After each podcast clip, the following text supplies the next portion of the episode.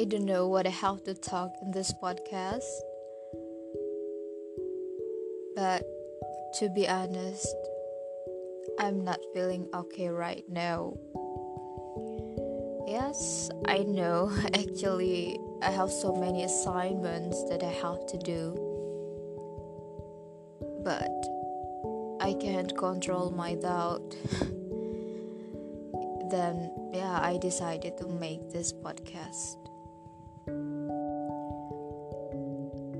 Sebenarnya aku nggak tahu ya apa yang harus aku obrolin di podcast kali ini. Maybe it's just about my random podcast, my random talk. I mean, pembicaraan-pembicaraan yang random aja, ngalir aja gitu.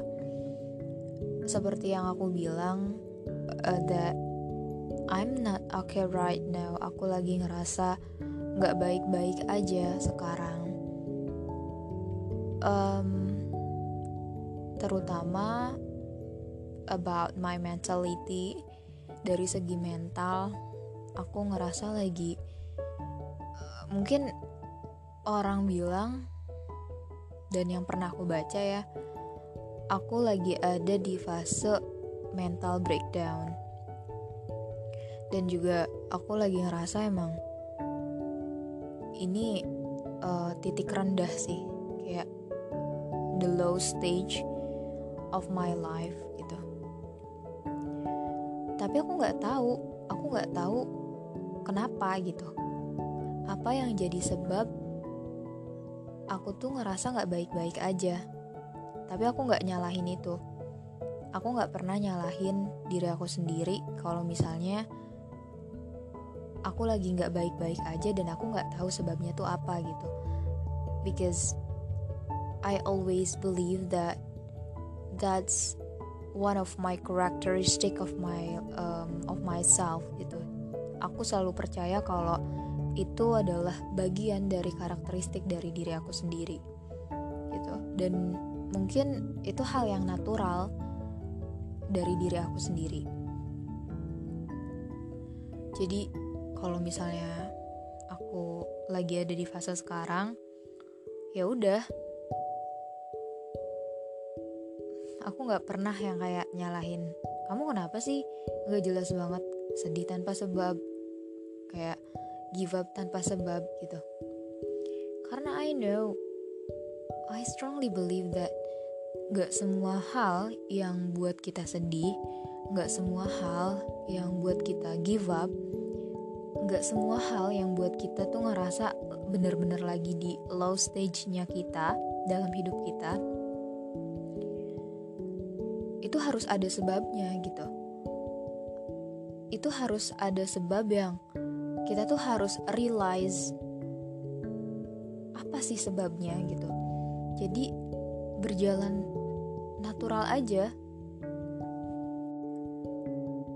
Dan aku benar-benar nggak tahu cara terbaik untuk mengatasi apa yang sedang aku alami sekarang ini itu apa gitu. Cara cara terbaiknya seperti apa.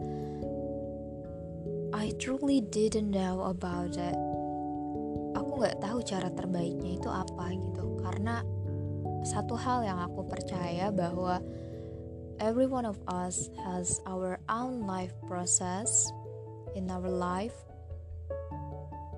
Dan Every one of us has our own pathways. Setiap orang itu punya proses hidupnya masing-masing. Setiap orang punya jalan yang dia tempuh masing-masing gitu. Dan mungkin it will be different between one to another. Itu akan berbeda antara satu dengan yang lainnya gitu. Jadi aku nggak tahu cara terbaik mengatasi um, apa yang sedang aku alami sekarang yang mungkin juga kalian yang dengerin podcast ini tanpa sengaja pernah punya the similar experience like me. Tapi ya ini aku tuh biasanya kalau lagi bener-bener breakdown ngerasa mentalnya tuh lagi nggak baik-baik aja gitu. Aku coba untuk self talk bicara sama diri aku sendiri random aja.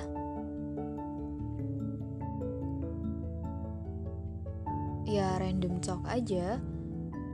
Sometimes I give some questions to myself and I answer it directly. Ya kadang aku kasih beberapa pertanyaan ke diri aku sendiri terus aku jawab sendiri. Dan pada akhirnya I make a conclusion about what I talk gitu. Aku buat satu kesimpulan tentang apa yang aku bicarain. And sometimes the conclusion makes sense um, for me to be better. Kesimpulan yang uh, aku simpulin dari self talk aku sendiri itu kadang buat aku jadi lebih baik. But yes aku nggak merekomendasikan ini karena yang aku bilang di awal kalau kita tuh punya proses kita tuh punya cara yang beda-beda. Dan itu akan berbeda antara satu dengan yang lainnya exactly.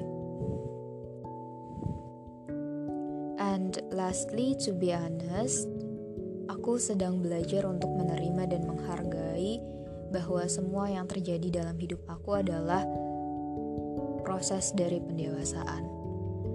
Because actually I'm 19 years old dan itu bukan usia teenager lagi. Itu udah usia dewasa yang mana aku juga punya tuntutan untuk menjadi seperti layaknya orang dewasa tuh seperti apa gitu karena um, you know dewasa itu bukan cuma dilihat dari usianya tapi juga dari thought atau pemikirannya dari the characteristic of his or herself. Apakah berubah lebih baik? Apakah develop ke arah yang better gitu. Atau mungkin stuck di situ-situ aja. Dan menurut aku itu adalah challenge dan sekaligus tuntutan. Tuntutan ya buat um, buat menerima proses um, atau stage yang baru dalam hidup kita yaitu proses pendewasaan. Dan aku nggak bilang kalau proses pendewasaan adalah proses yang mudah. No. Exactly, especially for myself, proses pendewasaan adalah proses yang kompleks, yang challenging, difficult, dan proses yang panjang. Karena, you know, banyak orang dari usianya mungkin udah 20 ke atas, even 30 ke atas, tapi dari segi thought, dari segi pemikiran, dia belum dianggap sebagai um, orang yang dewasa gitu. Jadi according to myself, kalau menurut aku proses pendewasaan adalah proses uh, di mana kita menerima, kemudian juga menghargai dan mengambil uh, value atau nilai dari apa-apa yang terjadi dalam hidup kita. Jadi nggak cuma sekedar uh, menerima sesuatu yang terjadi dalam hidup kita, tapi juga kita bisa menghargai dan juga um, bisa mengambil uh, value atau nilai tentang ya tentang uh, something happen tersebut gitu.